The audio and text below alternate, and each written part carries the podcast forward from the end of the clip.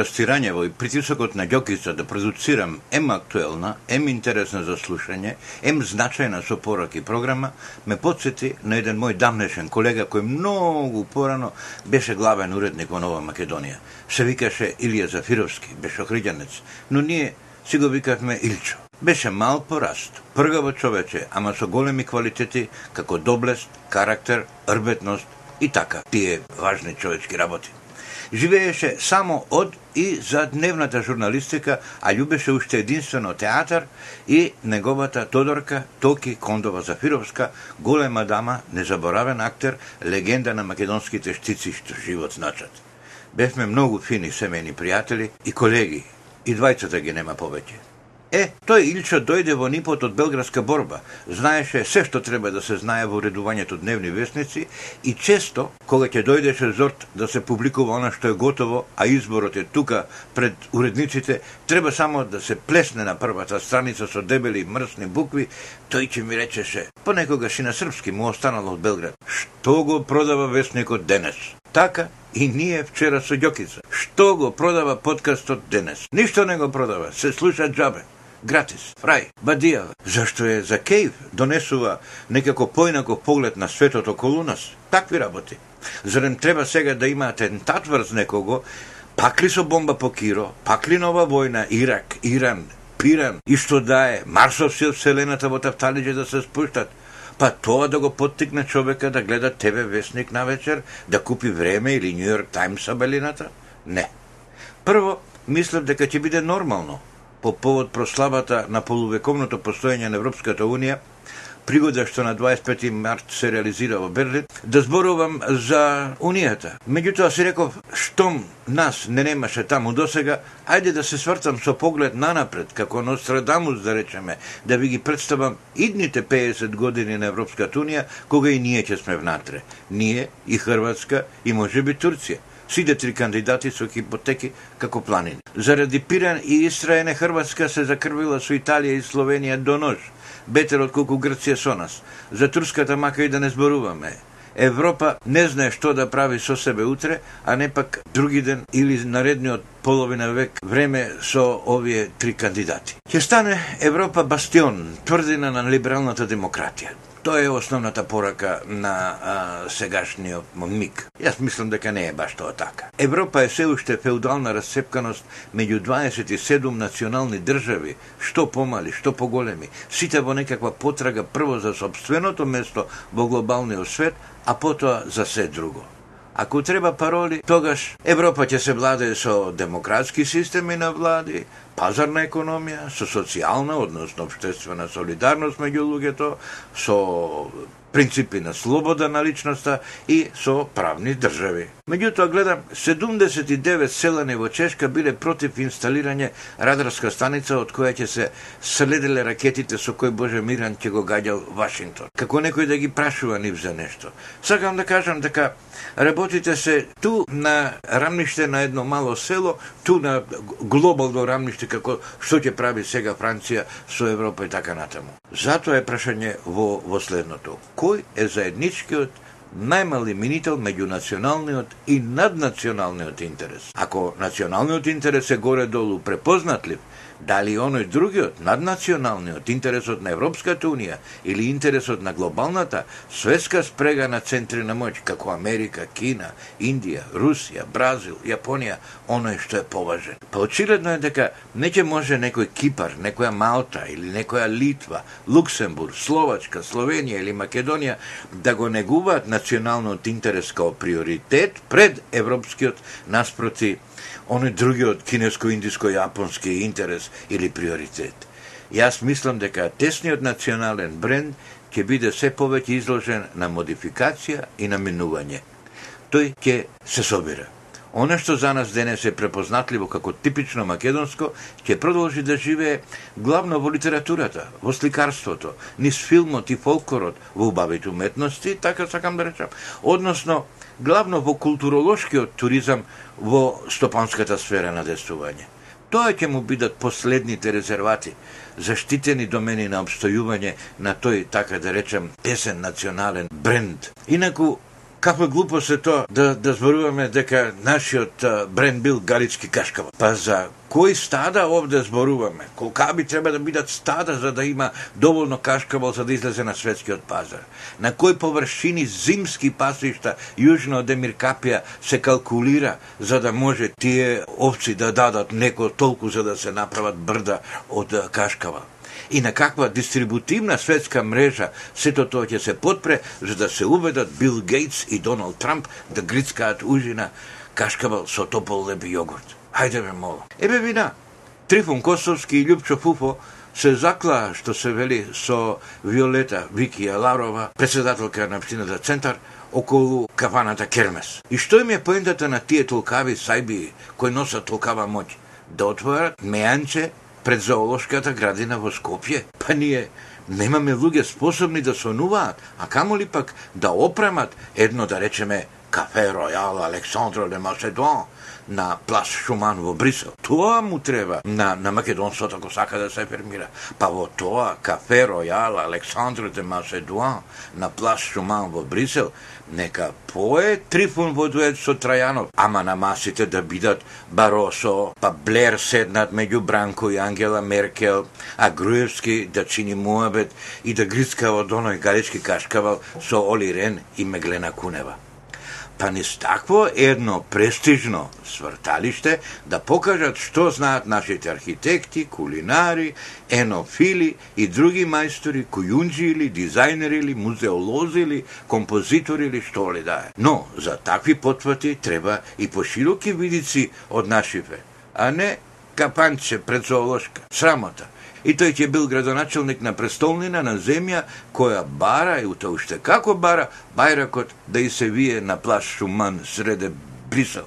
Ајде бе молам, гурбетчиска работа, дрп систем, дај ми кафанче. Исто како она афера со Тајван, или Тајланд, што го викаше оне пратеникот. Вања Битулјану, талент за фалимента, за банкротирање, направи фирма за копаја, им смислил проект од една милиарда долари и им го протурка на Сашо Димитров и на Цилету Прковски и тие тап ќе го признаеле Тајван. Ги закопа луѓето. Се изгубија комплет од македонската политика и обштественост. Ке не закопаше и нас, цела земја со сени. Да не е Кина онаква благонаклона спрема Македонија, да не сакаше така да заборави на таа една мала афера. Ние треба на трепки да стоиме кога е Пекинг во прашање. Порано или подосна Кина ќе згази на чергичето пред Европа на некој неизин само познат или разбидлив начин. И кога ќе сака да влезе во Европа, низ Македонија тоа треба да биле. Би било убаво да биде сигурно дека Македонија е влесниот капиџик за, за Европа толку проекти изнесе луѓето, мислам кинезибе, реди и ние да мрднеме малку на тој план. Во средата во трибуналот во Хаг се одржа статусна конференција на која судиите, обвинителите, административниот секретар, обвинетите Љубе Бошковски и Јохан Трчуловски со нивните адвокати разговара докаде се работите, дали се оди како што треба во подготовките за процесот кој како што знаете започнува веќе на 16 април. Темите беа безмалу приватни. Дали се исплаќаат адвокатите, имаат ли обвинетите забелешки на режимот во затворот, дали сите документи се доставени до таму кај што треба, каков е односот на чуварите, каква е храната, третманот во затворот воопшто, така да стекнат точен впечаток судиите дали се оди како што треба во завршните 4 недели пред почетокот на процесот. Мене лично се во ова бескрајно ме нервира затоа што Карла Дел Понте су предумисла и со огромна заслуга на Хари Костов го издвои, напросто го измисли случајот Љубе Бошковски. Мене исто така еве и после цели две години, откако луѓето чмајат во Шевенингенскиот затвор, никако не ме јасно како тоа македонска влада, она на Хари Костов или на Владо Бучковски седно, прво го гони Љубе Бошковски како воен злосторник, а потоа решава да го плаќа прилично скапо адвокат адвокатскиот штим што треба да го брани тој ист во незините очи воен злосторник, плюс бара да се брани човекот од слобода и подпишува гаранција дека ќе го врати назад на судење.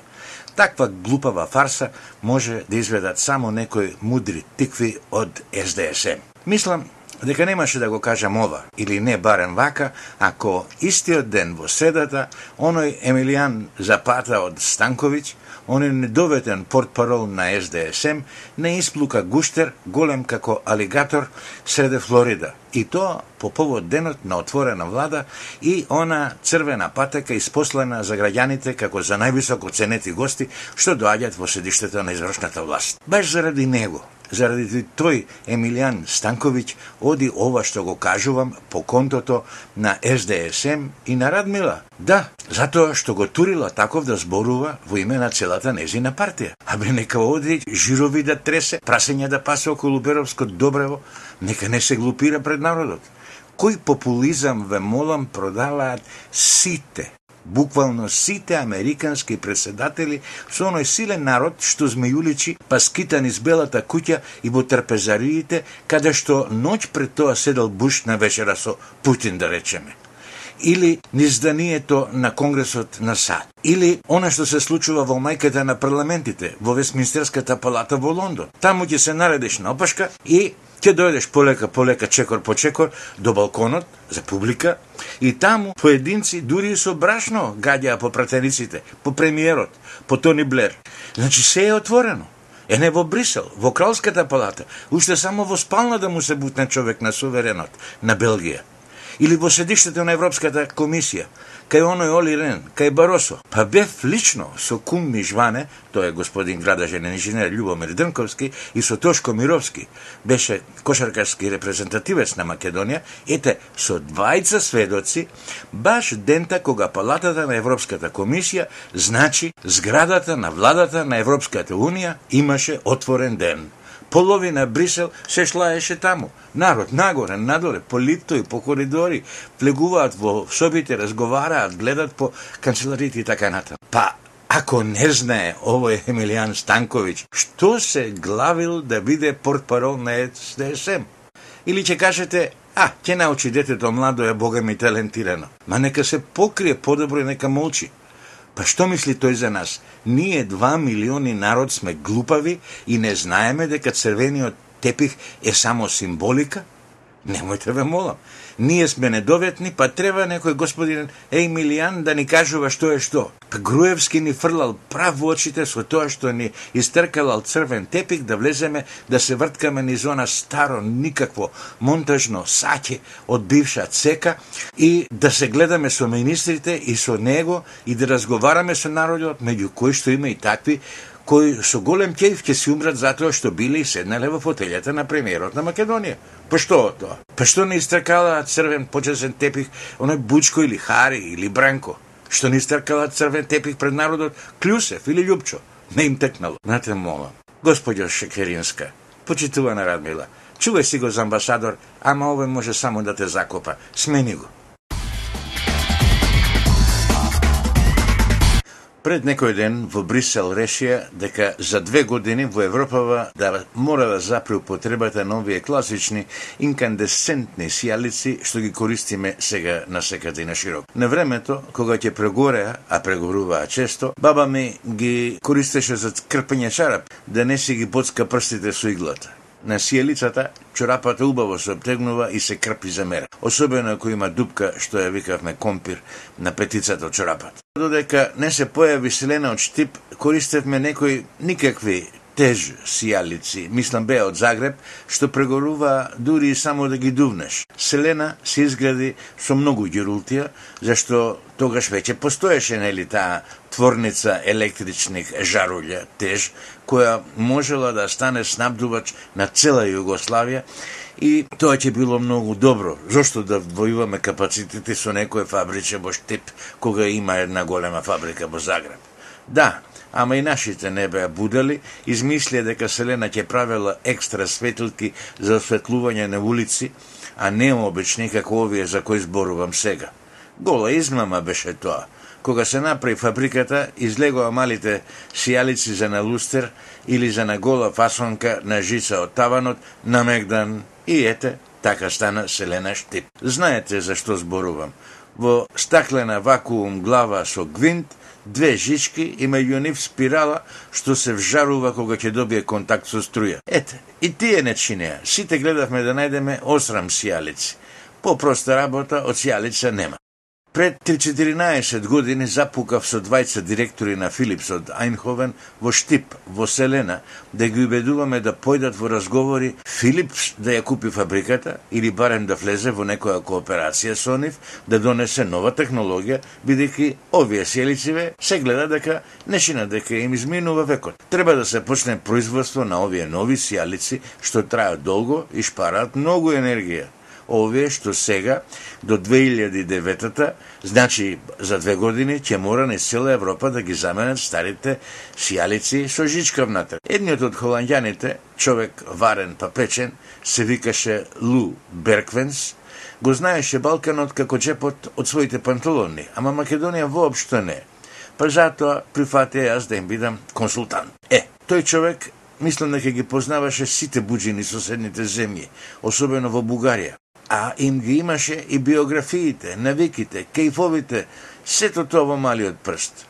Таквите типови, мојот дамна починат пријател Гаврило Гаврилски, легендата на Мак Петров, ги викаше, го цитирам, референт за бербат работи. Но на Берквенс, тоа му беше опис и попис на работните задачи. Другиот него колега, Жак Арц, беше така, проект менеджер на целата таа идеја, катежа за се. Е, кога дојдовме во Селена, оние директорите не дочекаа како на погреб да сме стасени.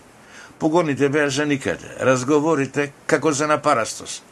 Овие од Айнховен се обидува да укажат колку сирова нафта од увоз ќе се заштеди со тие сијалици нови ведемек што би ги правеле во Селена, колку тоа е значено за Македонија. Ваде математики дека од целата електрична енергија што ја арчи една сијалица од 75 вати, да речеме, само 5 од 100 оди во светлина, а другото, аш, го грее стаклото, ама попусто, таму горе, под тавана. Тие го убедува и тогашниот министр за стопанство, едно опашиште прва категорија, дека државата, владата, треба прво да ја субвенцираат цената на новите поскапи сијалице, додека народот не свати дека сонив заштедува на сметката за струја. Ама бадиела. Тие зборуваат дека со петина од истата енергија која користи класичната сијалица, една неонка дава еднаков број лумени светлина, а трае 1200 на 100 подолго, 12 пати подолго. Но, не бидна ништо, се вративме во Скопје па во Айнховен како попарени.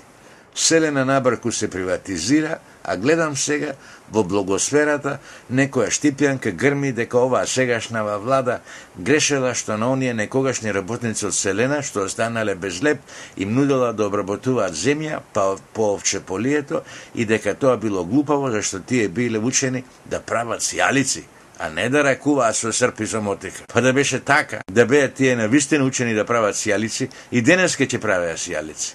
Во Европа се продаваат 2 милиарди и 300 милиони такви старовремски сијалици секоја година. Пали гаси ќе прегорат, ама мора да се сменат со нови.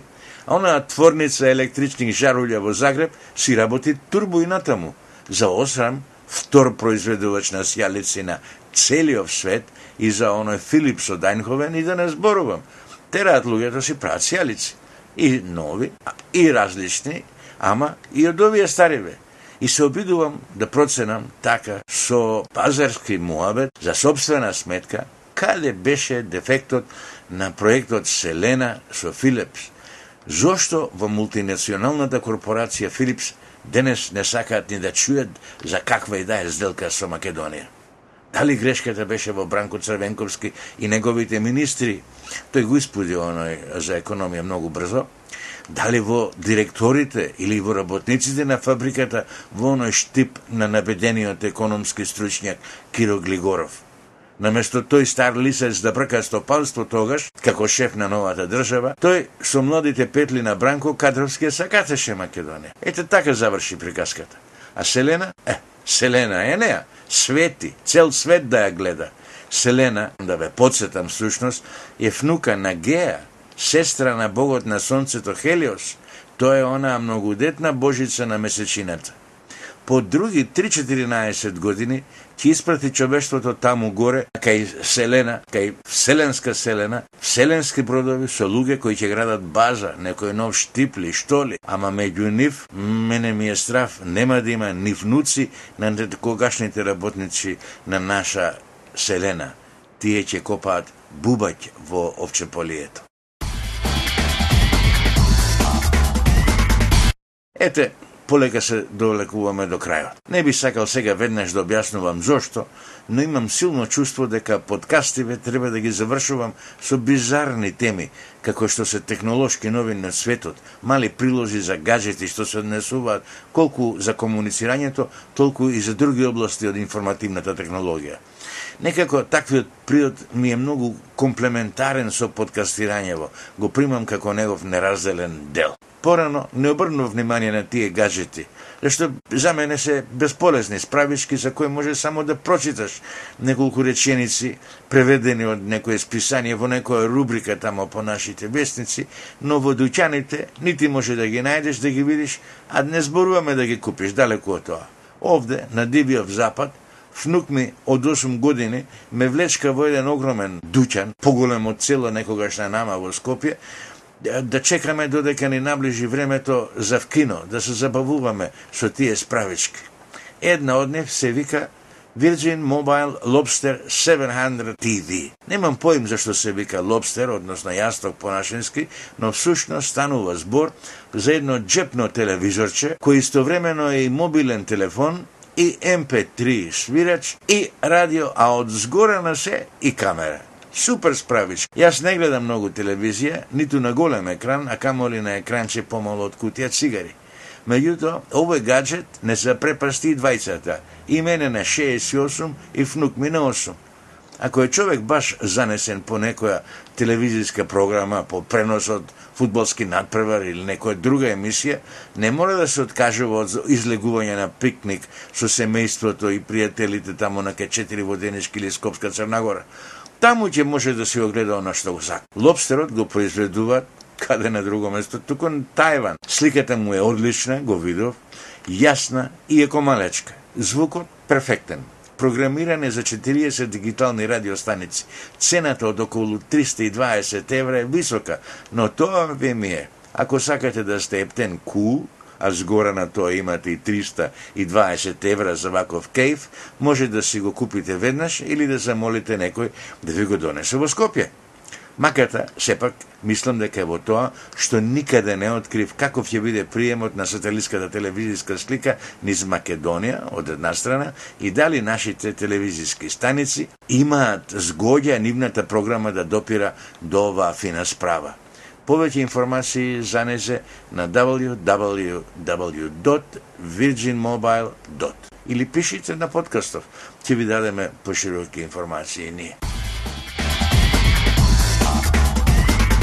Покрај овој гаджет открив една сателитско-навигациона справа на Fujitsu Siemens. Работи во автомобил, на велосипед или додека одите пеш. На екранчето од 6 на 9 сантиметри ви прикажува таква детална мапа во делот на улицата по која чекорите, да речеме, во Битола или во Солун, што да не може да си верувате на очите.